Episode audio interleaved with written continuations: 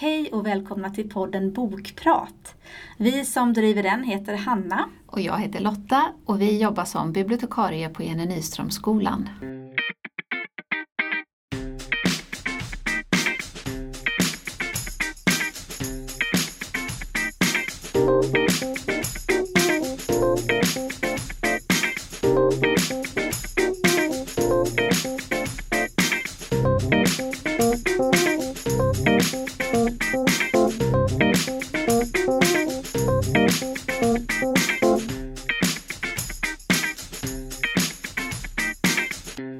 Ja, nu närmar det sig. Jag säger det varje gång nu känns det som. Snart är det sommarlov. Ja men nu är det snart sommarlov, nu är det ju två veckor kvar till studenten ungefär. Ja, precis. Och vi har ju faktiskt gjort eh, klart nu våra sommarpåsar eller sommarkassarna. Precis, nu står de uppradade på biblioteket. Det ser väldigt trevligt ut faktiskt.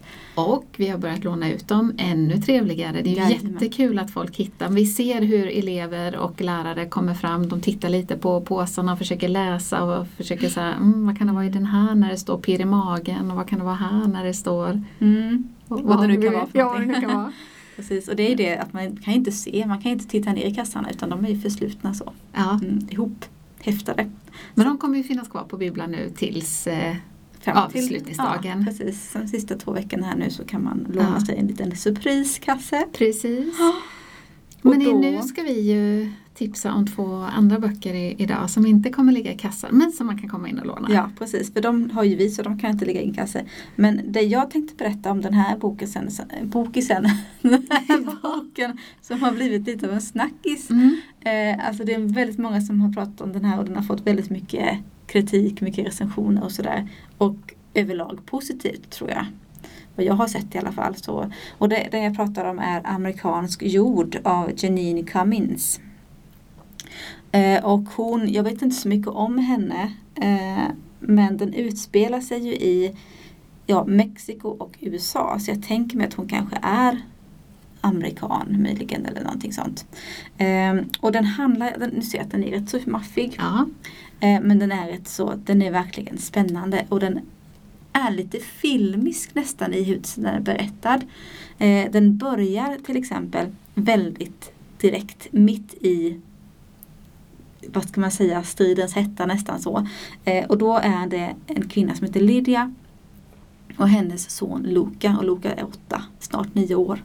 Eh, de gömmer sig inne på en toalett hemma hos, jag tror det är hemma hos hennes mamma. De, det är någon slags kalas, det är lite barbecue och så där utanför. Och de gömmer sig inne på toaletten därför att det har kommit någon typ av, ja men jag vet inte hur pass mycket man berättas om det innan men man förstår sen att det är en kartell. De befinner sig i Acapulco i, i Mexiko, det är där de kommer ifrån. Och en av kartellerna har kommit till den här familjesamlingen och dödar alla människor där utanför. Och det är ju då Lydias man. Och det är hennes släktingar, kusiner, hennes mamma eh, och pojkens kusiner. Eh, och alla dödas. De Åh, hör hur, hur skotten går liksom. Och det är ett antal män som gör detta. Och de sitter där och kan, vågar knappt andas. Av en händelse så var det att de eh, var på toaletten. De två och skulle rengöra något sår, han slagit sig eller någonting. Eh, och ja, alla, verkligen alla mördas. Och det är ju det är så brutalt öppningsscen som man bara kan tänka sig. Eh, och det liksom börjar direkt. Eh, hur då Lydia måste försöka hålla ihop sitt, eh, ja, sin, sig själv för sonens skull och för att de ska kunna ta sig därifrån. De lyckas hålla sig gömda tills de här männen har gått. Eh, polisen kommer eh, och Lydia har liksom bara det här i huvudet att hon vet vem som ligger bakom detta. Och hon vet att de två är inte säkra. Utan den Men här... eh, håller de sig gömda för polisen också? Nej, nej, nej. Nej. Eh, utan hon ringer in till polisen. Ja. Eh, Och när polisen kommer så eh, blir de intervjuade och sådär. Men hon kan inte släppa den här tanken att vi måste ta oss härifrån nu. För vi är fortfarande i fara. Och hon, hon vet vem det var som gjorde detta. Eh, det är ju då en man som är, han, håller, han är chef för en sån här kartell i Mexiko, i just Acapulco då. Eh, och Lydias man var ju journalist och han skrev om den här kartellen. Och han backade ju inte för att skriva som det var. Eh, och allt eftersom berättelsen fortlöper så får man reda på att just innan det här hände det här massmordet så har han skrivit en väldigt egentligen inte överdrivet kritisk men realistisk artikel om den här eh, kartellledaren som heter Javier. Eh, och eh, det är med anledning av den artikeln då som allt det här händer. Eh, och Lydia då måste försöka ta sig därifrån. Eh, och just det här, men försöka skramla med sig det hon kan vad gäller kläder, pengar, värdesaker, saker som kan spåras eller inte kan spåras och de kan inte använda bilen för den har de säkert riggat på något vis. Alltså hur de måste då dels i staden Acapulco försöka ta sig fram eh, men också försöka ta sig därifrån eh, och hela tiden känna att den här kartellgruppen som heter Los Jardineros, hur de flåsar dem i nacken. Så den är väldigt från början väldigt spännande. Och sen får man tillbakablickar eh, från Lydia då när hon, hon hade en bokhandel. Och i den här bokhandeln så lär hon känna den här mannen Javier för han kom in dit av en händelse. Ja, Men då visste inte hon nej, vem han var Hon hade ingen aning om vem han var. Och man vet ju inte var det en händelse att han kom dit mm. eller var det är planerat. Men i alla fall, de börjar prata. Och han är en, intellektuell man. De inser att de har jättemycket litterära favoriter gemensamt. De börjar prata. Och de blir väldigt nära vänner alltså. Han kommer dit ofta, sitter och fikar med henne. Hon förstår att han nog kanske är lite förtjust i henne. Han är gift och så också men han hymlar inte med att han har älskarinnor och så. Ehm, men hon förstår att han nog är förtjust i henne eh, och att det kanske till och med är att han är riktigt kär i henne och så. Men hon är ju, hon är ju väldigt förälskad och kär och älskar sin man så hon har ju inga sådana tankar om honom. Men det blir en vänskap som hon uppskattar väldigt mycket och hon kommer att, att älska honom som en vän. Eh, så man får pö om pö liksom reda på hur hon får av en slump reda på vem han egentligen är och vad det innebär för deras vänskapsrelation. Eh, och så det där får man liksom genom tillbakablickar. Men så handlar det ju om Lydias och Lukas flykt. Eh, och försöka först väldigt planlöst bara ta sig därifrån men sen insåg hon att i USA ta sig norrut över gränsen till då ett land och ställen där han inte har så mycket mm. förgreningar och folk och, och kontakter. Um, så det är målet. Uh, och en fördel de har är att Luke är en han är väldigt geografiskt intresserad. Han är nästan det där, ja men, eh, men en så otrolig talang för att memorera kartor och, och känna till avstånd och så. Så han, ser han en karta så vet han ungefär hur långt det är mellan olika saker och han kommer ihåg sånt. Och det är en sån där sak som de har nytta av under resan. Men resan är ju verkligen, det är inte så att de kan hoppa på ett flyg utan de får ju gå, de fick ta bussar fram och tillbaka. Och sen så åker de då på det som kallas för La Bestia eh, som är att många migranter som alltså försöker ta sig ut ur Mexiko och in i USA, de åker på taket på tåg, på transporttåg. Vilket är ett väldigt farligt sätt att transportera sig på. Dels för att det är farligt att hoppa på i farten och att hoppa av och sådär. Men också för att migrantpolisen eh, söker upp olika sådana stationer och ställen och tar folk helt enkelt. Eh, och det man får känslan av här är att verkligen alla tänkbara myndigheter och auktoriteter kan vara infiltrerade av karteller. Mm. Eh, så man vet aldrig om man hamnar hos en bra polis eller en dålig polis eller en bra sån eller en dålig sån. Ja, det var därför jag tänkte det lite i början att hon mm. kanske gömmer sig för polisen Precis. också. Och det gjorde hon ju lite för hon var ju verkligen aktsam med vad säger jag nu ja. Eh, och är, vilken slags polis är det jag har framför mig. Mm. Eh, så det är hela tiden ett sånt, vad ska man säga, en ständig oro, en ständig fara egentligen. Så det här är ju verkligen en flykthistoria. Och det som jag tycker är, den är väldigt spännande och den är nästan filmiskt berättad som jag sa. Eh, för det är ett sånt tempo i den hela tiden. Eh, samtidigt som det också är en nutidsskildring. Alltså människor som försöker ta sig ut ur Mexiko eh, och in i USA. Det har ju debatterats väldigt mycket framförallt under Trump-administrationen och hur man såg på människor som försökte fly och försökte ta sig ut ur landet. Och vad man kallade de personerna. Det var ett väldigt inhumant sätt att se på en hel grupp. Eh, och det får man ju också små inblickar i. Men hur, vad händer egentligen vid gränsen? Och det här man, man kanske kommer ihåg att det pratades om barn som skildes från sina föräldrar mm. och sådana saker. Och det, på vägen får ju Lydia och Luca träffa olika personer som kanske har är på väg nu att fly för tredje gången eller fjärde eller femte gången Eh, eller som eh, ja, de träffar olika personer som har egna små historier som ju då tillsammans bildar det liksom, man får någon slags bild av eh, hur det kan se ut. Ja. Eh, jag tänkte så att jag skulle egentligen kollat upp hur mycket den här författaren har eh, vad ska man säga, vad hon baserar allt det här på. Det hade varit intressant att veta hur, om hon har gjort någon research, vad hon har pratat med, om hon har intervjuat folk. Det framgår inte från själva boken. Det är inte så att det finns ett förord eller ett efterord som, som går igenom det. Eh, så det är någonting som jag tänker att man kan kolla upp. Eh, för att det kan ju ge en extra, vad ska man säga, stuns till, till boken. Eh, den är ju rätt så tjock. Och det som jag tänkte på när jag läste den var att om man ska se en nackdel med att skriva på ett sånt här sätt som känns nästan som ett filmberättande för att det är så visuellt och det händer så mycket så pass snabbt och så. Så är det väl att jag märker i alla fall för mig att jag nästan inte har tålamod till de här delarna som är mer boktypiska. Just, man vill bara fram till händelserna ja, hela tiden. Precis. Ja. För i en film så är vi vana vid att man inte har så mycket om, vad ska man säga, det som händer inuti personerna. Det syns ju inte, alltså man kanske försöker förmedla det i en film men man, man får ju inte det i berättelsen på det viset. Eh, eller de här inre konflikterna, eller hur ska jag göra nu eller sådär. De bitarna eh, får ju inte, kommer inte fram så bra i en film. Och när man då skriver en bok som är väldigt filmlik så upplever jag att man när det kommer till sådana partier där man kanske har med det här inre så, då blir det nästan att ja, men, man blir lite otålig. Ja, och, man blir otålig. Ja. Man har inte tålamod ja. till det. Um, och att man nästan känner att Ja men det är klart att du ska göra så. att man tycker att det inte är något svårt. Det är inte något att fundera kring nu och stå och vela mellan detta och detta. Eh, Medan i realiteten så om man tänker efter så måste det vara så otroligt många svåra beslut.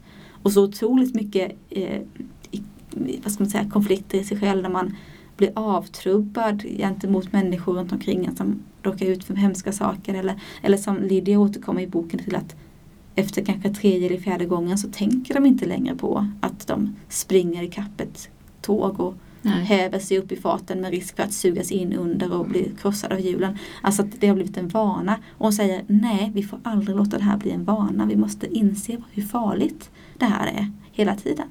Ehm, så det måste ju vara väldigt fyllt av ständiga inre ett krig och ett trauma inombords som bara växer och växer. Ehm, så på sätt och vis är det ju synd kan jag tycka då att boken i övrigt är så pass actionfylld så att man inte känner att det, de bitarna får utrymme. Ehm, men samtidigt så om man diskuterar en sån här bok efteråt så kommer ju de där tankarna ändå. Så att eh, som sagt eh, det står verkligen, det står internationell bästsäljare på den. Um, och jag skulle säga att den är definitivt väl värd att läsa.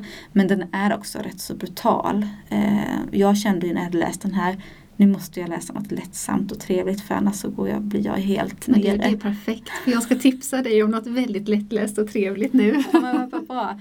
men då går vi vidare Lotta.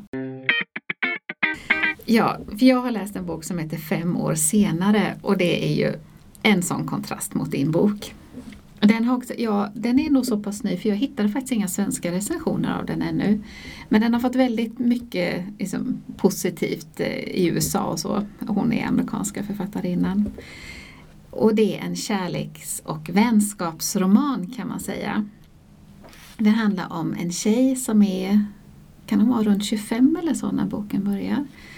Eh, hon är jurist i New York och jag har lite förkärlek för böcker och filmer som utspelar sig i New York. Det, jag, allt, man, jag tycker man känner pulsen bara man mm. läser boken eller ser en film eller så. Då. Alltså, ja, jag, jag fastnar ofta för det. Men den börjar väldigt bra, för bara på första sidan så fattar man direkt vilken typ av person den här Danny är. För den börjar så här. 25. Det är så långt jag räknar innan jag öppnar ögonen på morgonen och så fortsätter det lite till. 36. Så många minuter tar det att borsta tänderna, duscha, applicera vatten, eh, ansiktsvatten och så vidare. 18. Det är promenadsträckan räknad i minuter från vår lägenhet till mitt kontor. 24. Så många månader anser jag att man ska vara ett par innan man flyttar ihop. 28. Rätt ålder att förlova sig. 30. Rätt ålder att gifta sig. Jag heter Danny Cohen. Och då, man, man, kan ju ana vilken typ, det här är en karriärist. Hon har eh, gått hela skolvägen med bra betyg, kommit in på det universitetet hon har velat och eh, är en väl ja, en, en jurist som har fått, hon jobbar som affärsadvokat på någon sån här fancy byrå i New York. Och så har hon träffat en man som heter David, eller David, som är likadan som, jag tror han är jurist också, men liksom också karriärist.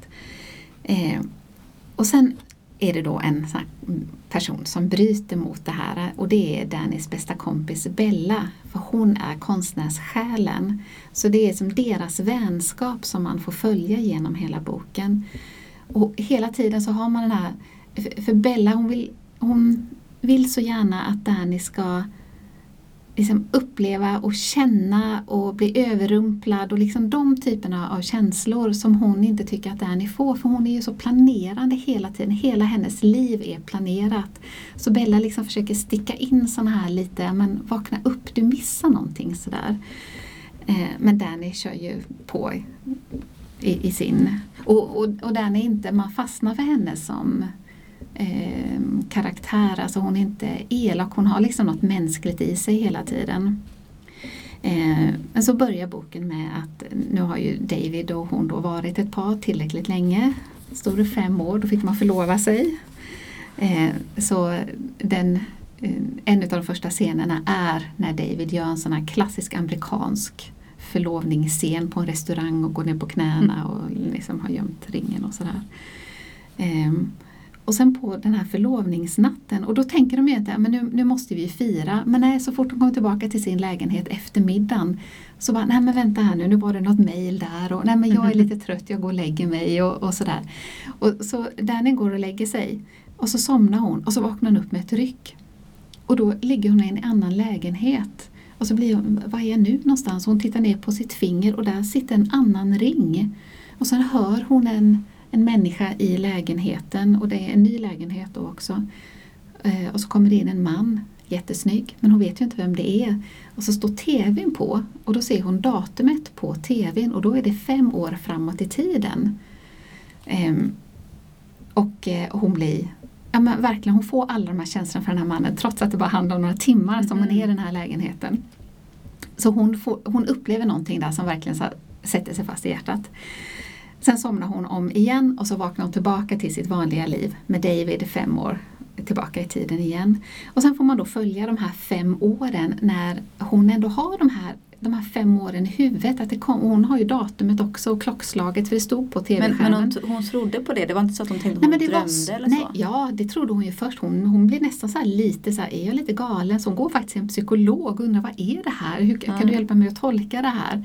Men det sitter ändå så verkligt i henne så på något sätt så känner hon ändå att de här fem åren ja, någonting kommer att hända. Mm, mm. Och under de här fem åren så velar hon hela tiden med den här David att eh, hon skjuter upp deras bröllop hela tiden. Men nu då efter, och nu är vi liksom framme i den hösten eh, när de här fem åren har gått. De har faktiskt planerat in ett bröllop nu. Eh, men så händer lite andra grejer, till exempel den här Bella blir svårt sjuk. Eh, så, så det är en nu ska jag, säga, jag kan inte avslöja för mycket för den har faktiskt en vändning här på slutet som man måste läsa boken för att få. För det är det som gör sen hela boken mm. riktigt bra. För den är ju ganska förutsägbar ändå. Man anar ju vad som ska komma. Eh, nu, nu, känner jag att jag hoppar lite här men den här Bella hon träffar nämligen en, och hon har ju varit över hela världen, hon blir kär i den och så blir hon kär i den och hon hoppar dit, hon lever verkligen det här livet och hon startar massa olika projekt, ett galleri där och sen en konstskola där och, och sådär. Men så träffar hon en man som heter Greg Aaron och i eh, Dannys tillbakablick den här fem åren när hon vaknar upp i den här lägenheten så heter den mannen i lägenheten Aaron. Och när hon träffar Bellas nya man, då är det han. Mm. Hon ser det direkt, ja men vänta det här är ju Aaron som jag träffade i min dröm. Men han kallas för Greg. Mm. Men, ja, men det här är verkligen en bok sådär. Vi pratade om det lite innan, en sån här bok som man inte har några förpliktelser mot. Man kan bara läsa den och njuta lite av den och sen ja, så, så har man fått liksom en bra stund. Mm. Så en, en skön, jag tänker din bok, sån här amerikansk jordbok, det är ju mer så att den sätter igång ju och den är politisk och man börjar fundera, man vill gärna prata om den. Den här kanske inte är jättemycket att prata om utan den är verkligen bara skön läsning för stunden. Mm. Men klart läsvärd tycker mm. jag och den är bra skriven, liksom den har ett bra språk och så. Så fem år senare, bra hängmattebok i sommar. Mm. Härligt. Vad bra att du balanserade vid min tunga blodiga bok Ja, med din lättsamma Med den här trevliga bok. rosa boken. Ja, precis. Men då får vi se, det kan ju vara att de här hamnar i en bokkassebok, det vet man ju inte. Kanske Eh, en bokkassebok nära dig. Ja, precis. Tills nästa gång. Ha det bra, Hej. hejdå!